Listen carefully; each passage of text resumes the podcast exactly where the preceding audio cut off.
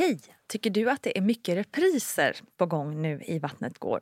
Ja, jag förstår det. Det beror helt enkelt på att jag, Nina Campioni, just nu har en pop-up second hand i Modgallerian i Stockholm. Så min tid räcker helt enkelt inte tid att göra så många avsnitt som jag hade önskat.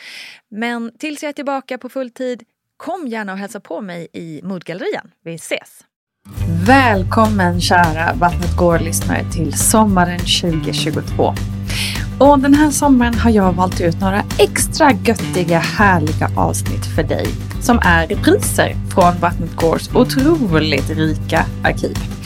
Jag hoppas att du aldrig hört det här avsnittet innan eller att du får träffa en gammal kär vän igen. Hoppas du får en underbar sommar med Vattnet går i dina öron. Hallå kära du och välkommen till en ny VG-plogg. Alltså jag vet inte riktigt hur man säger hej längre. Jag har försökt säga hej och välkommen på olika sätt nu i över fem år. Men det blir liksom alltid samma ändå till slut. Så nu blev det tjallå. Eh, ja, ja, jag hittar på lite egna ord. Det får man ju också göra. Nina Campioni heter jag och vi hoppar rakt på veckans ämne som är förlossningsläkaren eller obstetriken. Ja, vi har ju gått igenom en del folk som du ju eventuellt kan komma att träffa på under din förlossning. Och nu är tiden inne för förlossningsläkaren. Och förlossningsläkaren finns ju på förlossningsavdelningen hela tiden, även om de allra flesta födande kvinnor faktiskt inte ens träffar på henne. Förlossningsläkaren är specialutbildad för att ta hand om de komplikationer som kan uppstå i samband med barnafödande.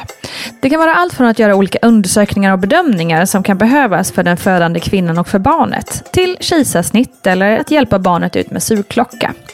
Förlossningsläkaren blir också kallad vid stora bristningar om moderkakan inte lossnar eller om kvinnan blöder till exempel. Och förlossningsläkaren är också ansvarig för kvinnor som vårdas antenatalt som det så fint kallas. Alltså innan förlossningsarbetet startat. Till exempel för havandeskapsförgiftning, för tidiga verkar och så vidare. All medicinsk vård som kvinnor behöver efter att förlossningen är över ansvarar läkaren för. Och förlossningsläkaren arbetar då av naturliga skäl väldigt nära barnmorskorna på en förlossningsavdelning. Det är också förlossningsläkaren som tar hand om planerade kejsarsnitt och som du som kvinna då får träffa inför det planerade snittet. Själva ordet obstetriker kommer då från obstetrik som betyder läran om graviditet, förlossning och barnsäng. Obstetriker och gynekologi kan förvillande nog klumpas ihop och bli ett ord eller uttryck som många av er kanske känner igen, nämligen OB-gyn eller OBGYN från amerikanska sjukhusserier. Skillnaden då på en förlossningsläkare som ju jobbar på förlossningen är att gynekologen träffar kvinnor i alla åldrar, både gravida som icke-gravida. Och i deras arbetsuppgifter ingår tjänstgöring på gynakut och gynmottagning och gynavdelning och även operation.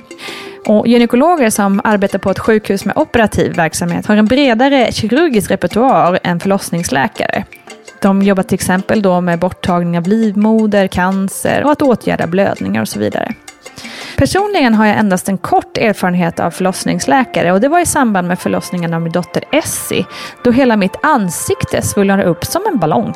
Ingen förstod riktigt varför och läkare tillkallades. Oj då, det här har jag aldrig sett innan. Och så var det med den saken.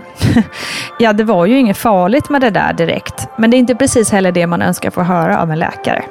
Och precis som jag nämnde i förra avsnittet så hoppas jag att du aldrig ska behöva träffa en förlossningsläkare, såvida du inte själv valt kejsarsnitt förstås. Då är det ju väldigt trevligt att få träffa sin läkare inför.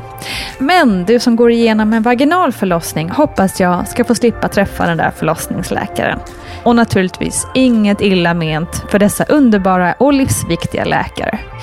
Hörni, ta nu hand om er och glöm inte mammagruppen på Facebook och spännande saker på Instagram. Och nu ligger det dessutom en helt ny mammor berättar ute, så skynda dit. Kram på er!